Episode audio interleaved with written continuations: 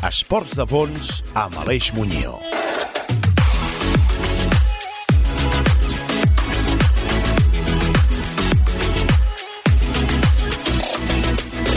Bon dia, bona tarda, bon migdia, bon vespre o bona nit.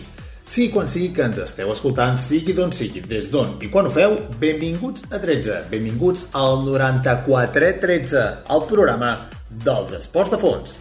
Aquí a 13 repassem l'actualitat dels esports de fons, del ciclisme en totes les seves modalitats, del triatló, del duatló, de l'esquimo, de l'atletisme i del trail running. A 13 tenim espai per la psicologia, la nutrició i la cuina, l'entrenament, el material, les curiositats, les reflexions i anècdotes, les rutes, les curses i també per conèixer tots i totes aquells protagonistes de l'esport amateur i professional. Tots tenen espai a 13. I sabeu per què? Doncs perquè a 13 hi cabem tots, els més ràpids, els més lents, els que gaudeixen amb les pulsacions a 220 amb un dorsal al davant, els que fan anar un e-bike, els que ho fan tot xinutxano, els que es motiven fent patar tots els coms, i dels que senzillament gaudeixen de notar l'aire a la cara tot fent una mica d'esport. Tots i totes tenen una cosa en comú, són fons addictes, com nosaltres. Aquí és la casa de tots els apassionats i apassionades dels esports de fons. Aquí és la casa de tots aquells i aquelles que no ens fa res passar fred al matí, matinar per fer allò que més ens agrada. Els mateixos que quan tothom ja s'ha recollit a casa us calceu les bambes i aneu a córrer desafiant el poder del sofà. O quan tothom ja està dormint, engegueu el Swift i feu ciclisme virtual. Els que quan veieu 9,6 km al vostre GPS toneu voltes per davant de la casa per fer els 10 i que formeu part de l'equip de descobridors dels termes municipals propis i dels municipis, municipis termeners. 13. Una producció de WeRun per a Ràdio Sabadell i que podeu escoltar a la vostra ràdio de proximitat gràcies a la xarxa de comunicació local de Catalunya i també subscrivint-vos al podcast de Spotify 13, tal com sona, 13. No deixeu de mantenir-vos al dia i informats al perfil d'Instagram 13 Esports de Fons, 13 Espai Esports de Fons.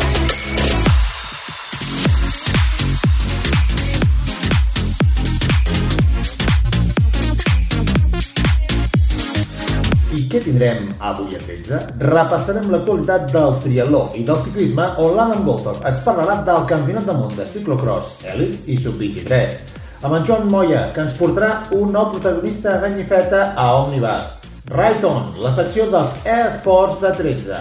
Hall of Fame, recuperarem què va passar al 1994. A Muerte Namás, amb en Genís Sabater, que ens posarà al dia de la seva aventura que viu a l'Equador.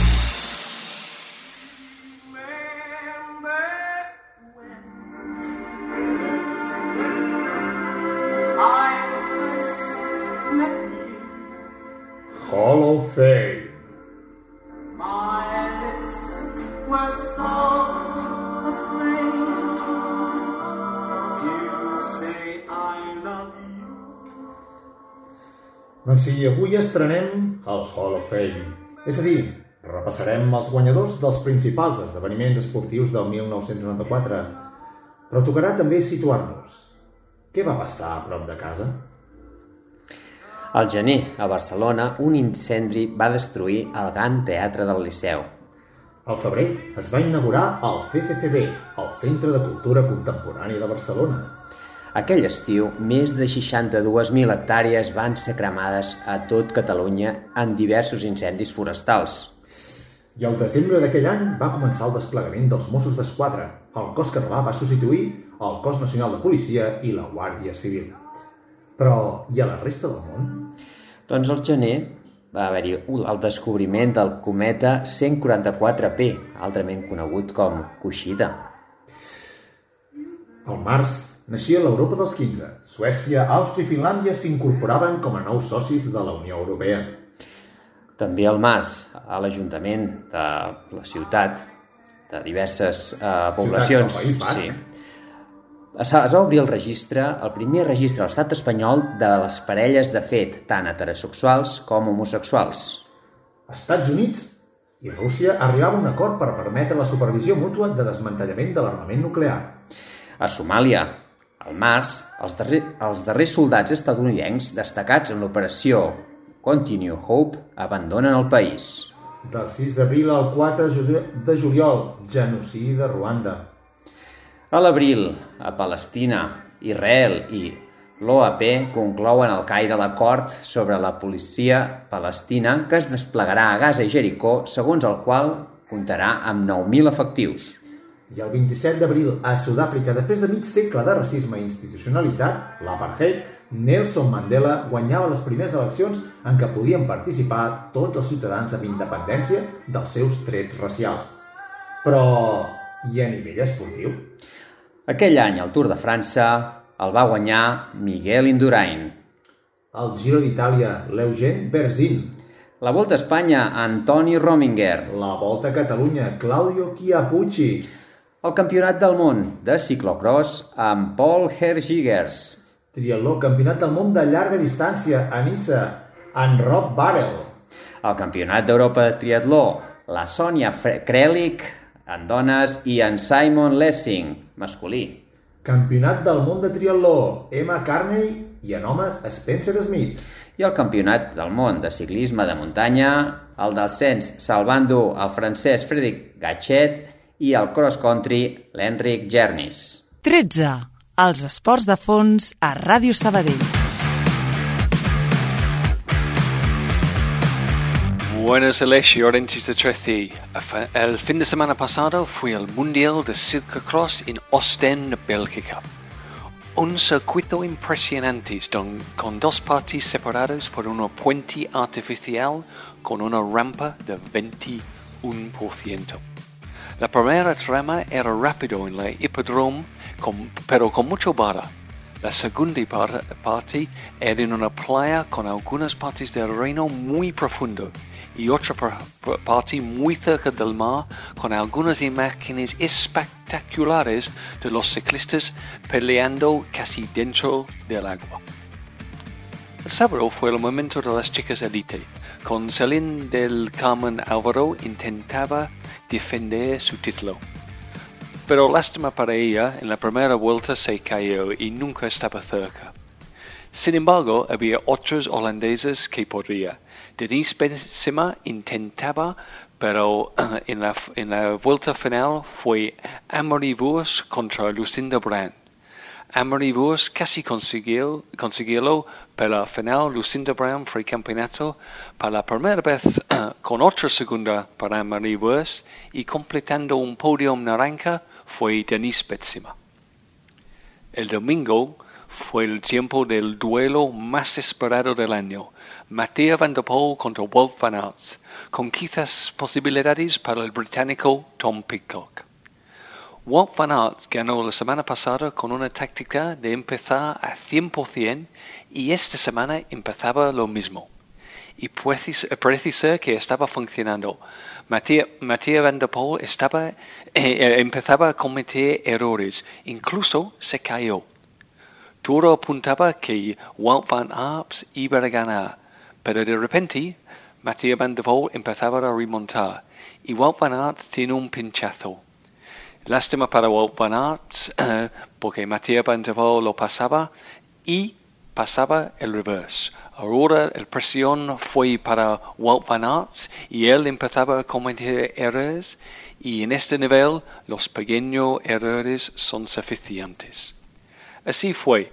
Mattia Van der Poel eh, primero consiguiendo su cuarto título, Walt Van Aert segundo y con uh, two nuts tercero. Después otra, otra pelea con Tom Pignot. El, el rivalidad entre Mathieu Van der Poel y Wout Van Aert van a conseguir, van a continuar de todo el año. Yo creo que muy pronto vamos a ver ellos en carretera normal uh, peleando. No sé cuándo, por esto tenemos que esperar. Hasta la próxima.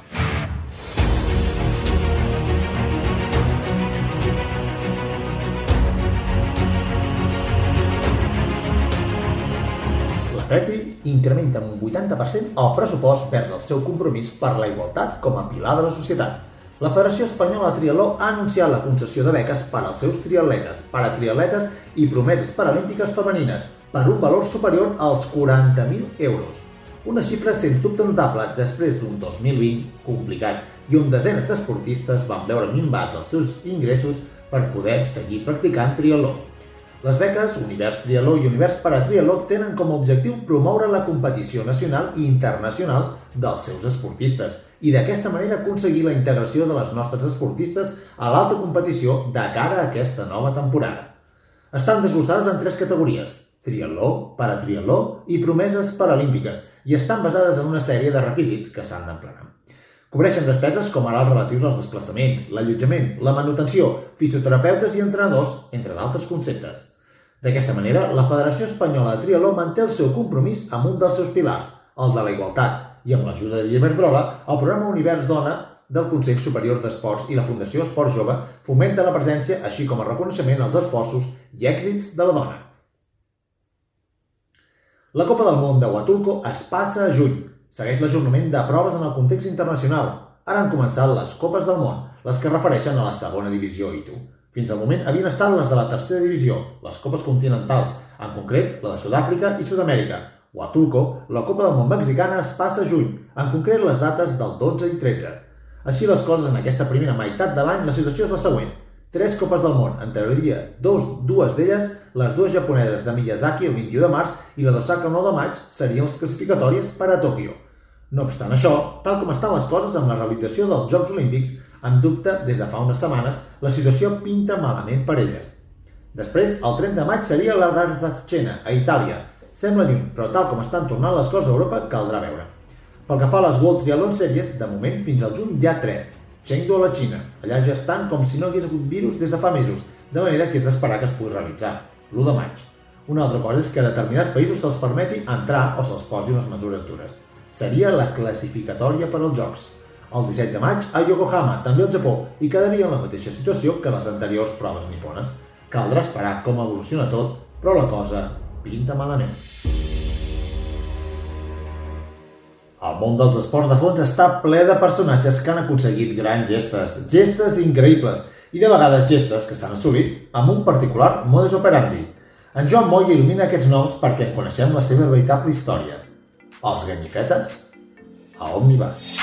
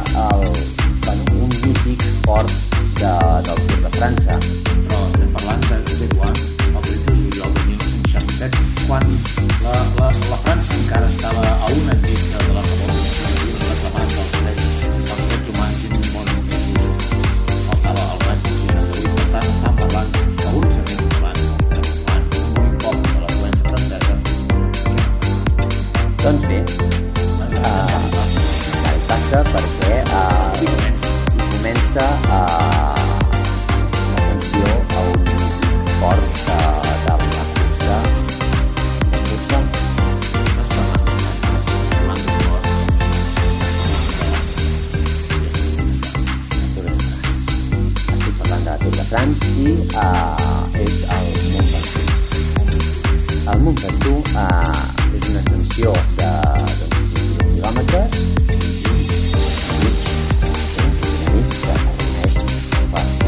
a la baixa, però arrodoneix a l'alça sempre. Per tant, 21 i mig, que si haguessin d'arrodonits farien 22.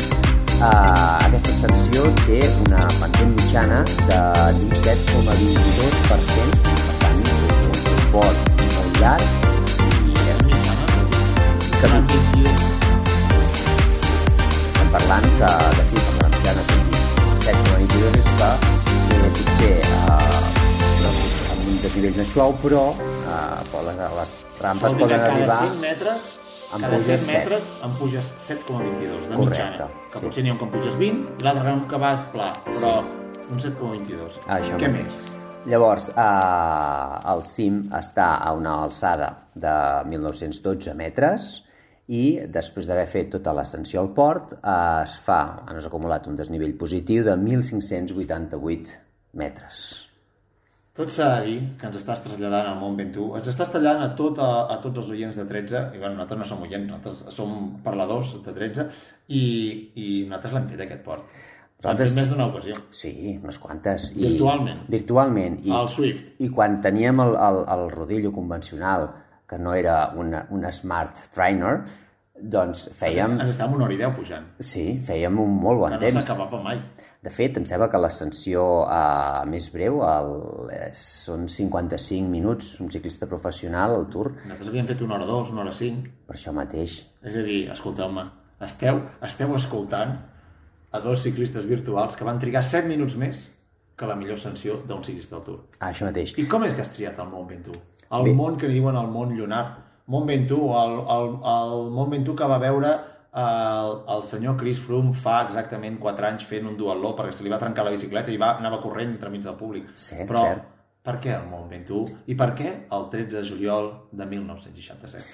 Bé, doncs eh, corria la, la desena etapa de, de la volta de, del Tour de França. De la volta que la tu has traduït ja. Sí, sí, La- sí, la perquè Tour de aviam... La Tour de Francia es la, vol- la vuelta de Francia. A ver, ¿qué- oh, ¿dónde, ¿dónde estamos? ¿Estamos en Francia? No, pues no vamos a hablar en francés. La vuelta, la vuelta a Francia. Clar, si, si fóssim fora d'aquí, a Espanya, Clar. diríem la, la Vuelta. Clar. La Vuelta al País Galo. Sí.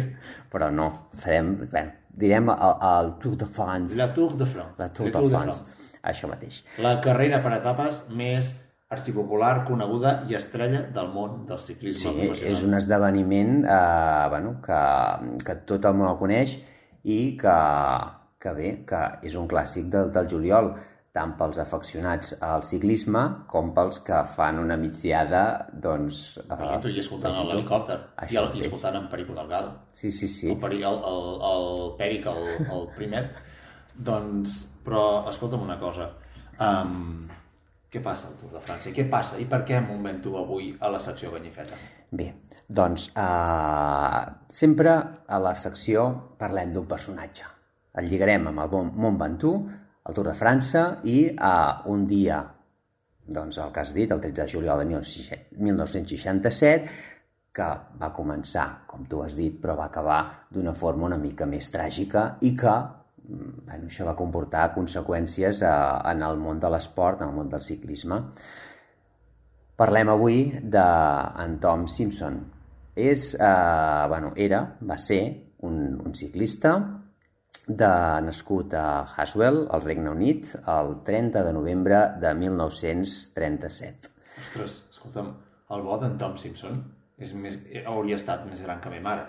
Sí. Clar, però ma mare l'any 67 jo crec que no... encara, no havia, ciclisme. encara no havia com- après a pedalar, no? No, sí, sí que va aprendre a pedalar, sí. El meu avi li va ensenyar. Però, I, però, però l'any 37 no. A l'any 37 no. No, perquè ma mare és més jove, clar. Jo crec que no sabia per on pedalar. Potser meu avi pedalava el 37, però... També és possible. eh, estem parlant de que Espanya estava immersa, quan va néixer el senyor Simpson, estava immersa en un, en un conflicte bèl·lic entre la població civil. Sí, sí, Europa no vivia una època Convulsa. força convulsa, per tant, eh, bé, per sort, eh, a, a França l'any 67 la situació no era, situació era convulsa. molt més Havia de diferent. ser-ho al cap d'un any, però en aquell moment, l'any 67, a la Provença francesa, era un moment idíl·lic. I el bo del senyor Simpson, un, un britànic enamorat de la bicicleta, Sí, que, uh, bé, uh, un ciclista exitós, eh, uh, perquè va arribar a ser campió mundial de ciclisme en ruta el 1965. un campió del món. Sí, sí, correcte.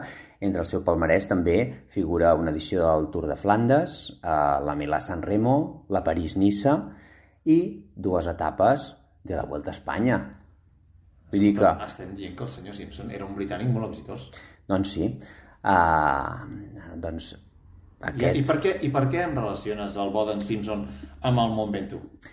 Doncs bé, el 13 de juliol de 1967 estava en plena ascensió a, al Mont Ventoux. Llavors, eh, els cotxes d'assistència... parlant juliol, 30 i pico graus segur, al, al, al, en la Provença francesa, un territori sec.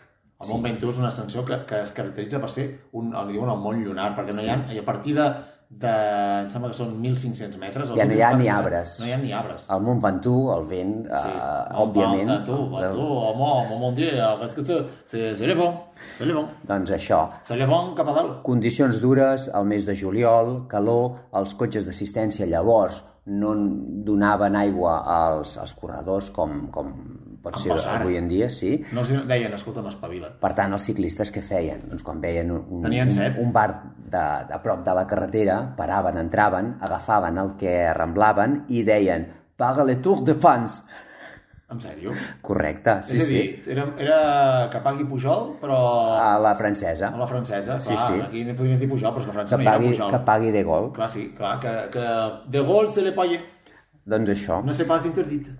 Òbviament, eh, doncs això... no eh, tenia cotxes d'equip, vivint d'entrar a un bar i eh, pagarà el Tour de França. Sí, els ciclistes no sempre agafaven aigua, ni refrescos. Però és que allà estaven competint. Escolta, havien de parar i anaven amb pressa. Sí.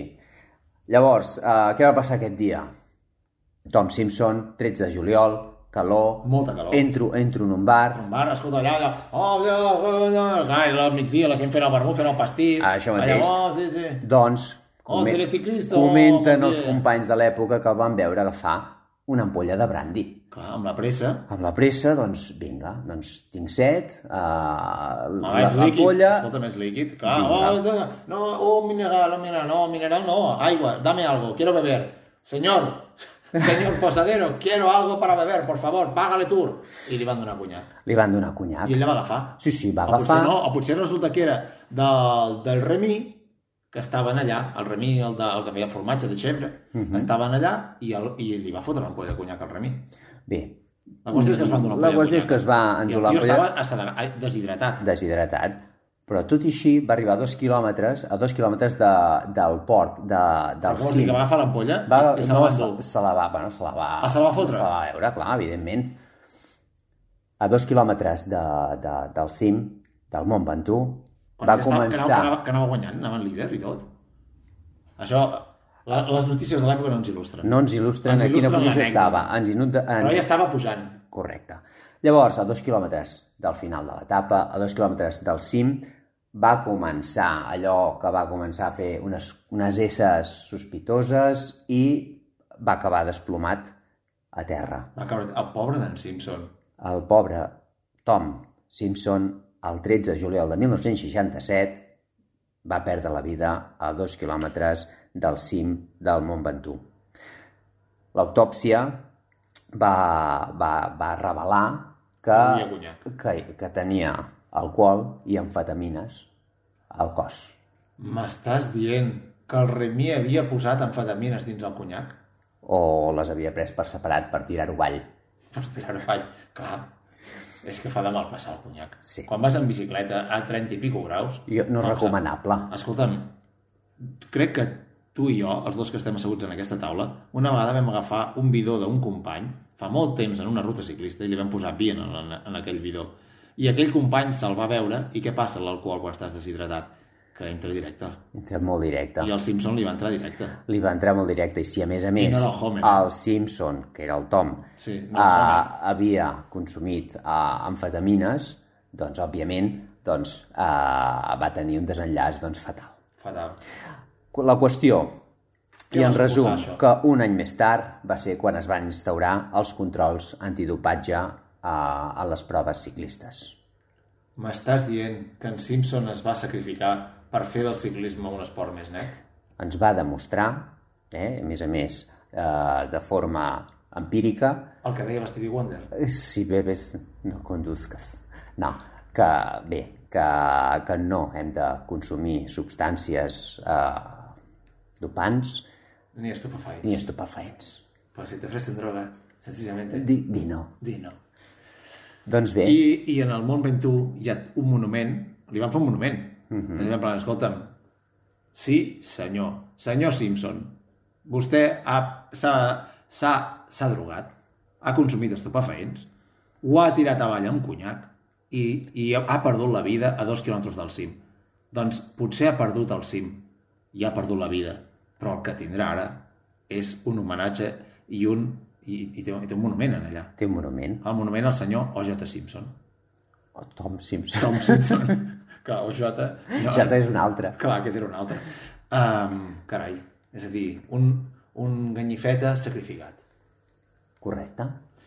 Molt bé, doncs escolta'm, ja ho sabeu, quan anem al Mont Ventoux, busqueu, perquè en el Swift el vam veure aquest monument, eh? I és, en, Hi el, és. en el Swift hi és el monument. Sí que hi és, sí. Carai, Joan, molt bé. De lo, lo breve y corto no es muy largo. Dos veces breve. Dos veces breve. 13. Els esports de fons a Ràdio Sabadell. La crisi de la pandèmia va portar-se per davant moltes curses. Un any 2020 plegat de la no existència d'esdeveniments esportius. Però toca ara viatjar a l'altra banda de l'oceà. Toca, toca viatjar a l'altra banda de l'Atlàntic. I ens anem a Estats Units, perquè als Estats Units la gent són molt motivats. Nosaltres també ho som. Però la crisi de la pandèmia va portar-se per davant una de les curses, reptes, matades més sonades que es realitzen en el món de l'ultratrail, la Berkeley Marathon.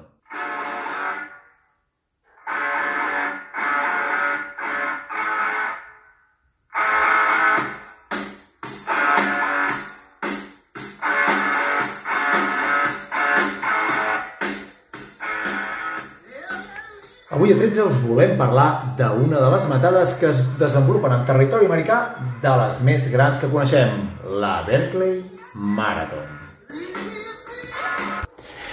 Tal com havia passat els últims anys i tants anys anteriorment, l'última edició que es va disputar de la Berkeley Marathon el 2019 va finalitzar sense cap corredor a la línia d'arribada.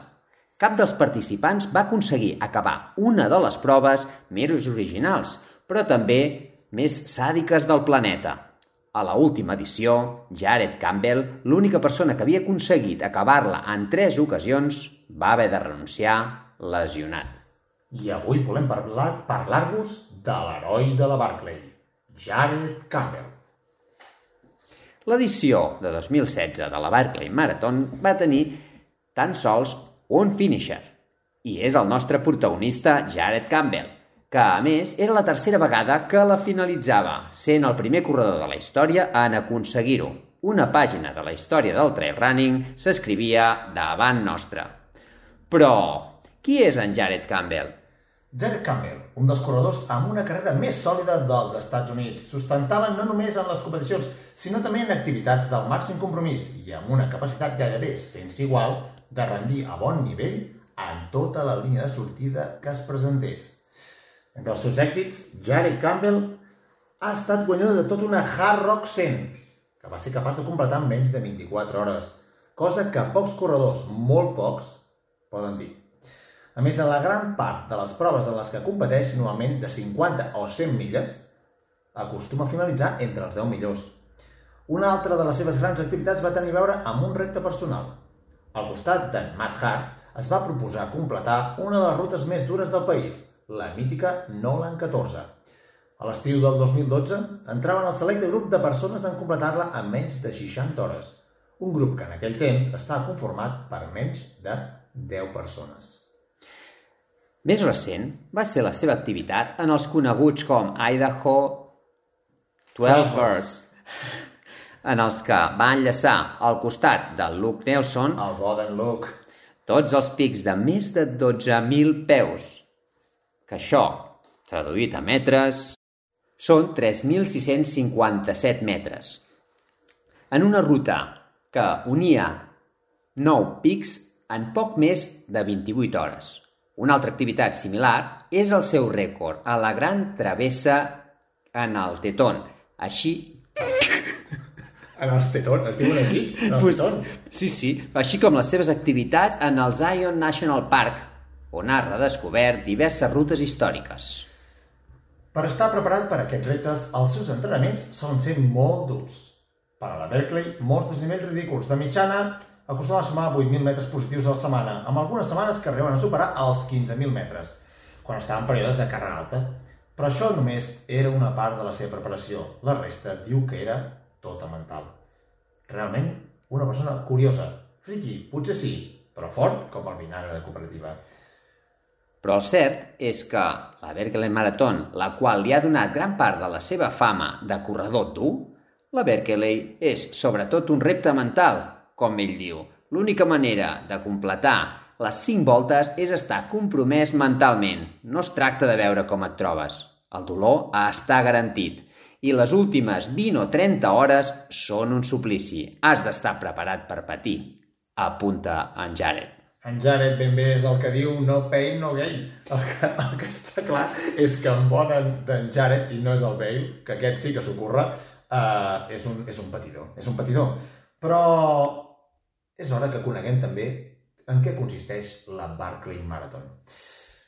Mireu de què suposa el que diuen la cursa més boja del món, o una de les més difícils del món de l'ultratrail.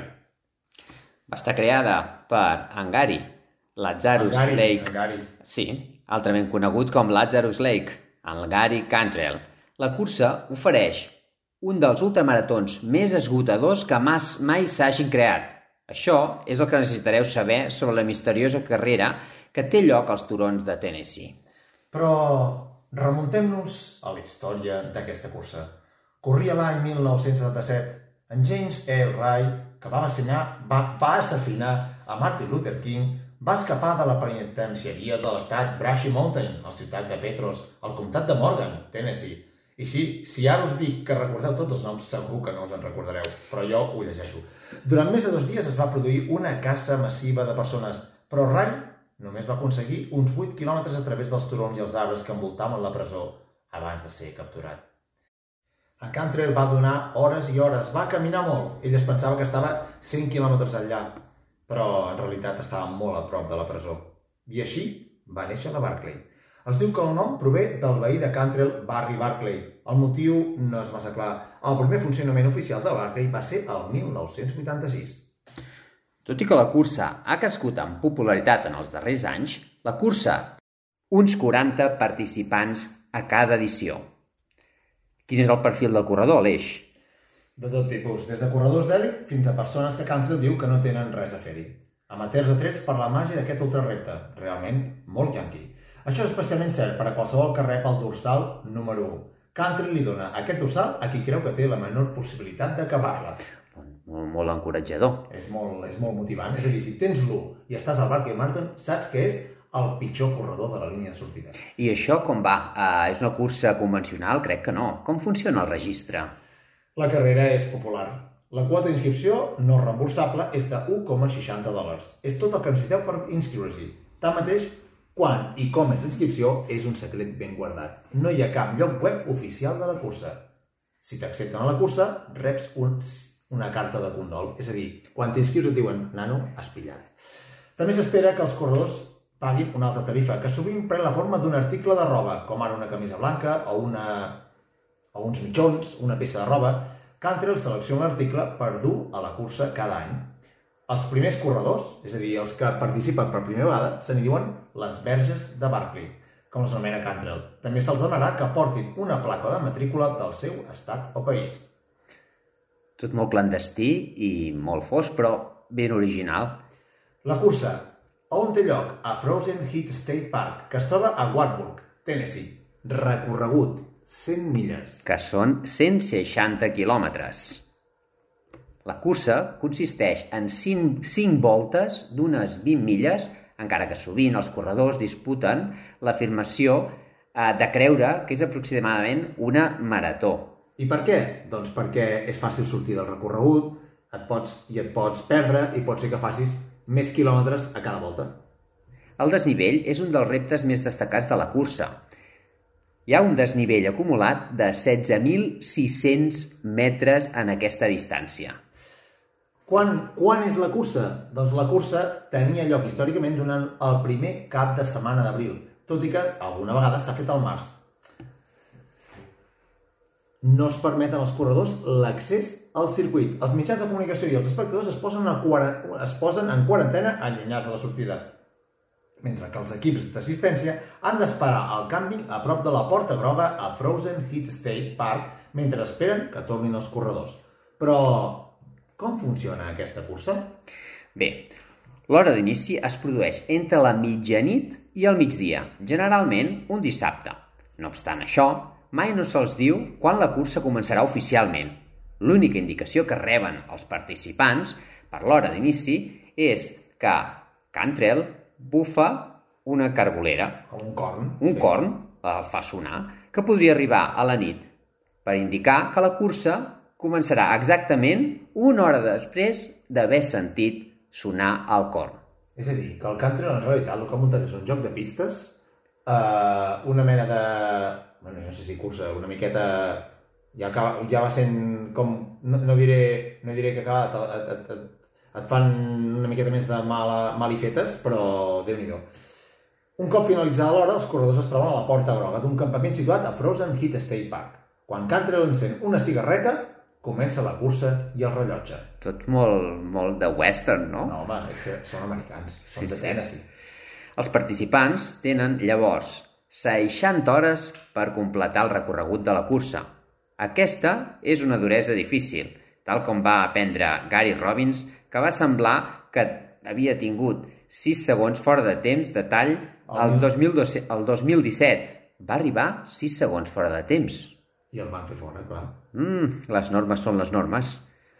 Els corredors han de tocar la porta groga mentre se'n van. Quan completin un bucle, han de tornar a tocar la porta, la porta groga per acabar oficialment. Un cop tocat, poden anar a la se al seu avituallament i recuperar-se. Quan estan preparats per tornar a sortir, reben un bevedor nou i toquen la porta per començar de nou.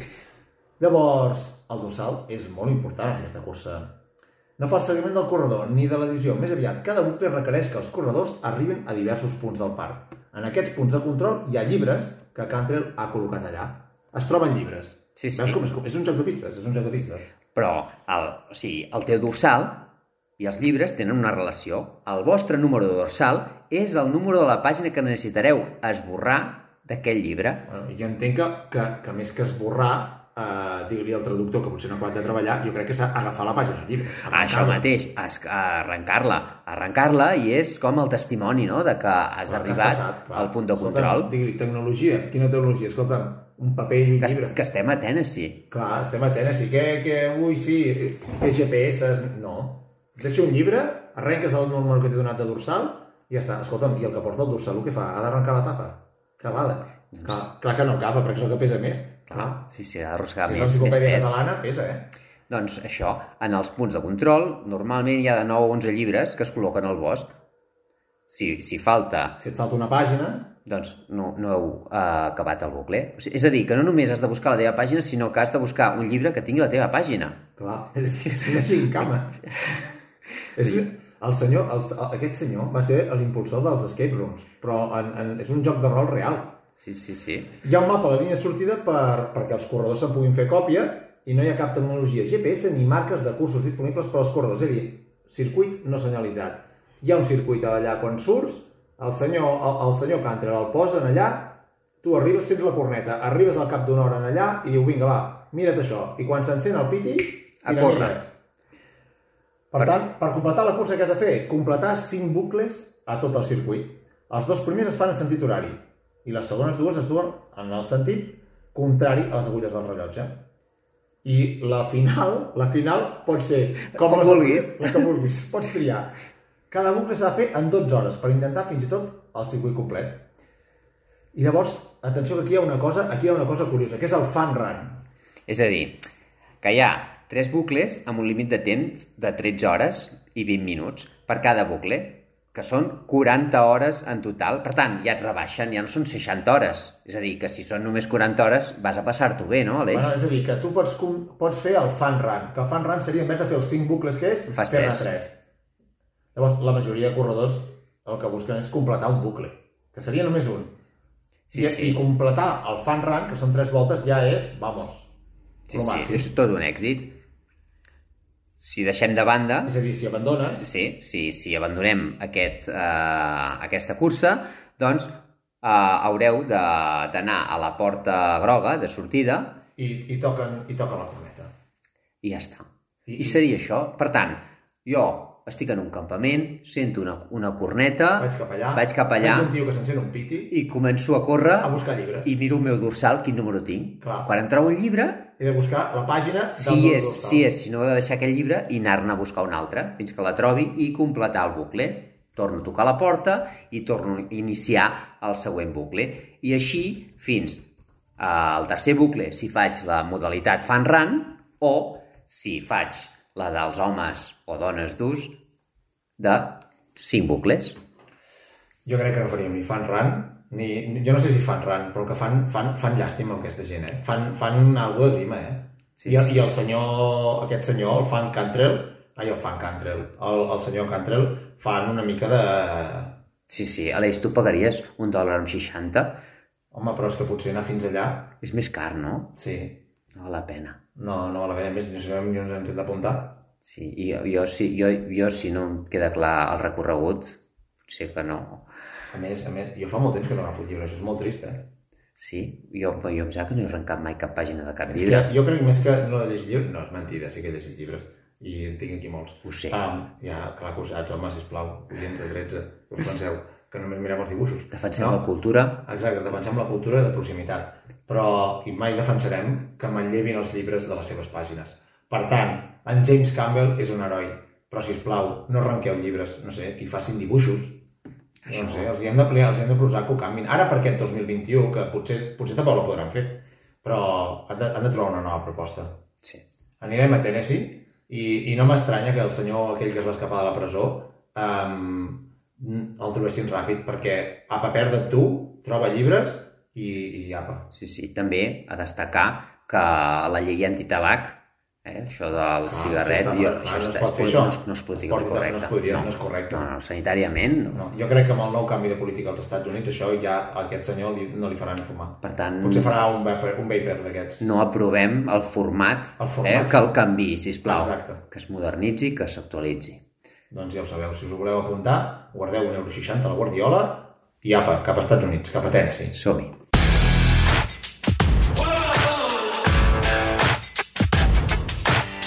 Els rodets fa anys i anys que existeixen, però la interconnectivitat ha fet sorgir múltiples plataformes per tal d'oferir la possibilitat de fer activitat física indoor i alhora sociabilitzar.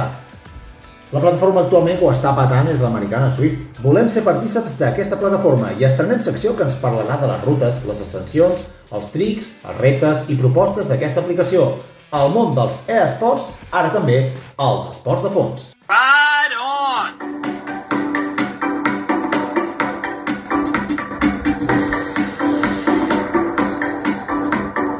Per començar l'assai, la secció Right On, cal que tinguem clar d'on surt el nom. Right On, aquella salutació que es pot donar al Swift quan veiem a un corredor. Avui comencem aquesta secció i vagi per avançat que tant el Joan com jo portem des del confinament amb aquesta app. Us en recomanem l'ús i el que necessiteu és un Smart Trainer per emparellar-se d'allò més bé. El ciclisme virtual va duplicar els seus practicants amb la pandèmia. L'atractiu dels professionals i la necessitat d'exercici durant aquest període de confinament va portar a molts aficionats a sumar-se a rodar o córrer per escenaris virtuals, en els que la seva potència de mesura per cintes, rodes o altres elements es transformava en velocitat en el joc. També, si es comptava un instrumental tecnològic adequat, el corró s'adaptava a la duresa del pendent per la qual es transitava. D'aquesta manera, la plataforma ha vist duplicar el nombre d'usuaris que coincideixen al mateix temps, de 16.000 persones a 35.000 persones alhora exercitant-se. Segons expliquen de Swift, ens veiem en un moment únic per ajudar la gent a mantenir-se en forma i, el més important, a mantenir-se connectats durant aquest temps. Deia el responsable de Relacions Públiques de Swift, Chris Snook. Mentre no hi ha carreres per un temps, hem arribat a acords amb triatletes, corredors i equips ciclistes professionals per fer esdeveniments en la plataforma. Per a ells és una oportunitat per trobar-se amb els seus aficionats i donar exposició als seus patrocinadors, i als aficionats els permet córrer juntament amb els seus ídols. I això, ara encara que ja comencen a haver-hi curses en el món real, es manté. Convertir el ciclisme a casa en una cosa divertida. Però anem a la història de Swift. Com va començar la història de Swift? Doncs la història de Swift va començar el 2014 quan el nord-americà Eric Min, afeccionat al ciclisme i sabedor que rodar a casa simplement no és divertit, va decidir afegir-se afegir-se un complement social a un videojoc al costat de John Mayfield, que venia del disseny de jocs digitals i també era aficionat al ciclisme i a, les curses. Tots dos tenien el problema que només comptaven amb el temps d'entrenar indoor i, òb- òbviament, ho veien avorrit. Perquè és avorrit. Per resoldre el problema, John havia dissenyat un videojoc per a fer-lo més divertit. Aquestes dues idees unides van generar Swift. Avui, Estats Units i el Regne Unit són els principals mercats d'aquesta plataforma, seguits per Alemanya, Holanda i França, tot i que Espanya està creixent ràpidament, com tot el continent europeu. Aquest moment també és una gran oportunitat per als e-sports. No obstant, les carreres, les curses a peu, el públic està més, més obert a donar-li una oportunitat per veure-ho. I ja vam tenir una gran resposta a la cursa d'exhibició que vam fer amb l'equip Ineos, que va ser, de fet, Joan, dels primers esdeveniments que es van poder veure en aquesta plataforma. Només un, però, afecta aquest nou fenomen entre el ciclisme i el videojoc. Que sí, que és el reduït nombre d'escenaris, que inclouen un món virtual que es diu Watopia, l'Alp de Swift i recorreguts de campionats mundials com Innsbruck, Richmond als Estats Units, Yorkshire al Regne Unit i altres ciutats com Londres, Nova York i Bologna. Tot s'ha dit que, tot just aquest juliol passat, s'hi va afegir també un nou món virtual, el de França. Els recorreguts de Swift com es dissenyen? Es dissenyen des de zero. Cada escenari es construeix manualment per enginyers i dissenyadors gràfics, des de les fulles dels arbres, i això és el que fa que siguin tan detallats. Diuen que van trigar gairebé 6 mesos a dissenyar cada nou recorregut. Detalla portaveu de la companyia. Aquest estiu s'hi han afegit recorreguts per França, com bé deien, propis del Tour, la pujada al Mont Ventoux, un recorregut per la Bretanya francesa amb el Mont Saint-Michel, el Pont du Gard, i fins i tot podeu fer la última etapa del Tour als Champs-Élysées. Però com ens podem fer del Swift? Ben fàcil. Has de tenir un dispositiu Android o iOS, descarregar-te l'aplicació i també pots descarregar-te l'aplicació Swift Companion. Aquesta última eina ens servirà per gestionar els esdeveniments que ens volem apuntar i per crear meetups. Els meetups són esdeveniments que pots Són compartir quedades, a quedades. això mateix. Podem fer-nos sessions d'entrenament des de l'aplicació Swift, etc. Sessions d'entrenament que et pots personalitzar, és a dir, tant si teniu un entrenador com si vosaltres sou el propi entrenador, us podeu dissenyar vosaltres el propi entrenament. I què necessitem per activar Swift? Necessitem un Smart Trainer o un rodet normal amb controladors de cadència i velocitat si és d'aquests últims. Això és fàcil, venen uns sensors, al mateix Amazon o a les vostres botigues on podeu trobar, al voltant de 50 euros necessiteu dos sensors de Bluetooth i ja podreu connectar-vos amb l'aplicació. Obrir- Obrirem l'app i ja podrem fer-lo servir i li direm aparellar amb els sensors i ja estarà. Un cop dins, podrem configurar el nostre avatar. Això és una eina molt interessant. Aconseguirem bicicletes, rodes, material i són el que realment ens permetran rodar fàcil, ràpid, tant si són recorreguts de pujada, planers, mixtes... Realment és ciclisme virtual. La, la tipus de bicicleta que portem o el tipus de rodes que portem ens condicionaran a anar més ràpid o a cansar-nos més i, evidentment, també hi hem de posar el nostre pes i la nostra alçada. Si bé hi hagi, perquè el, la referència watts quilo, en funció de com posem, però clar, és un joc virtual on hi ha gent que fa ganyifetes, però es tracta d'anar legal. Això mateix. Eh, Per això la importància dels sensors, perquè amb la connectivitat doncs, podem transmetre la nostra força i es desplaça el nostre avatar en funció de les nostres condicions físiques. Ara, si li enganyem amb el pes, quan el joc ens detecti, el, calcula el pes força, doncs ho farà una miqueta de ganyifeta, però es tracta de fer ciclisme de debò virtual. I què passarà? Doncs a mesura que aconseguim quilòmetres sumarem també gotes de suor, que són les que ens permetran comprar material nou. Setmanalment sorgeixen reptes i esdeveniments al Swift, i això fa dinàmic i atractiu. I feta la presentació del Swift, què volem ara? Us volem explicar què és el que tenim ara, actualment, al Swift. Què tenim aquesta setmana?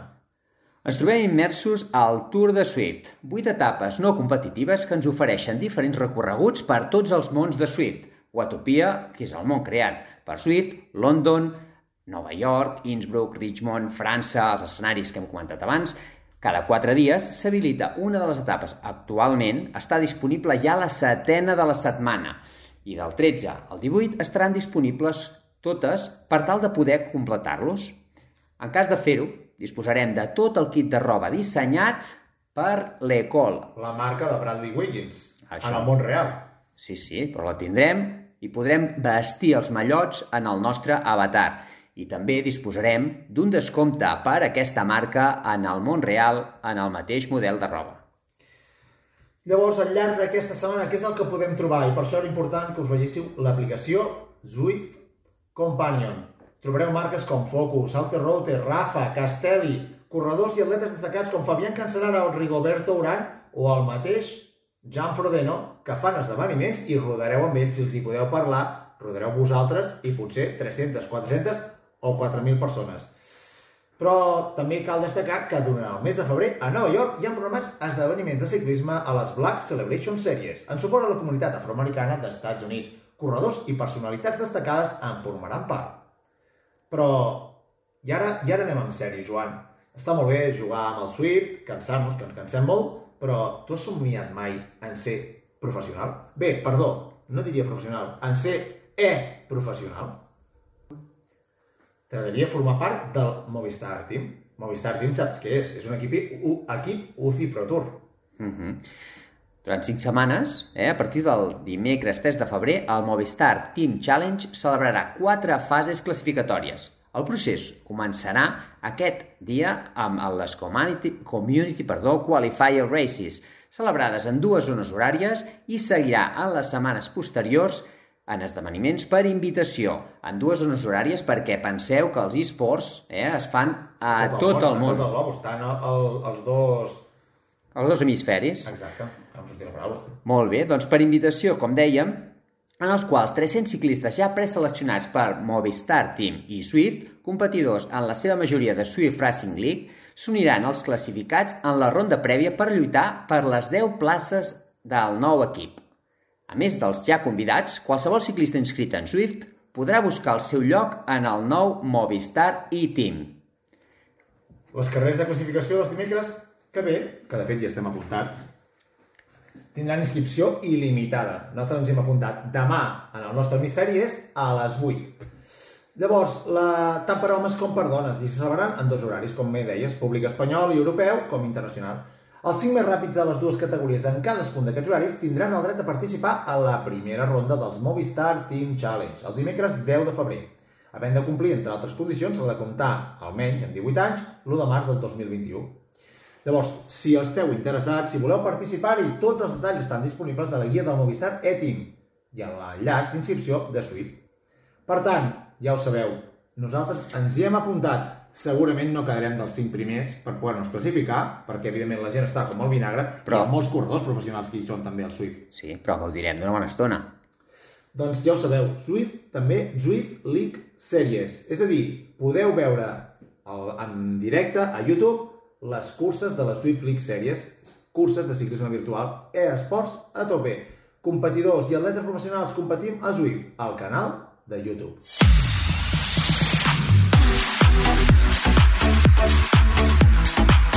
I fins aquí el 13 d'avui, 94 hores d'esports de fons. Una producció de WeRun per a Ràdio Sabadell i que podeu escoltar també a la vostra ràdio de proximitat gràcies a la xarxa de comunicació local de Catalunya. Avui, amb en Joan Moya, l'Adam Gothor, sota el suport tècnic de Roger Benet i d'en Sergi Cubero. I ara, 13, quan vulgueu i en vulgueu, ja som a Spotify. Teniu a la vostra disposició el podcast de 13. 13, tal com sona, en lletres. Podreu linkar-vos directament des del nostre perfil d'Instagram, arroba 13 espai esports de fons.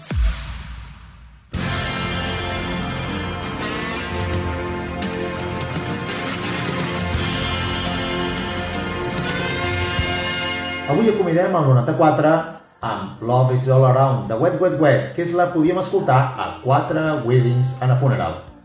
Dit d'una altra manera, quatre bodes i un funeral, a l'any 1994.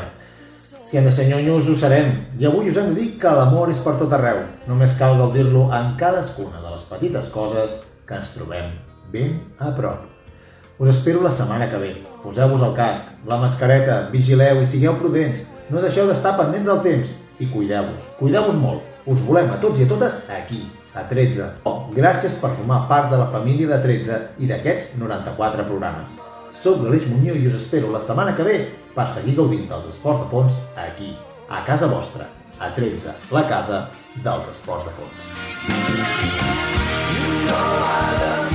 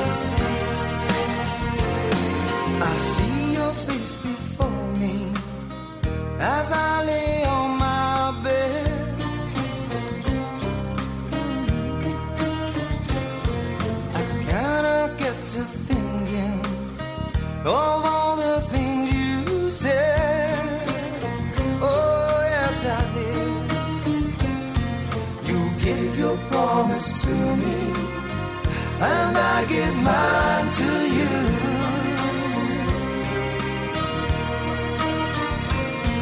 I need someone beside me in everything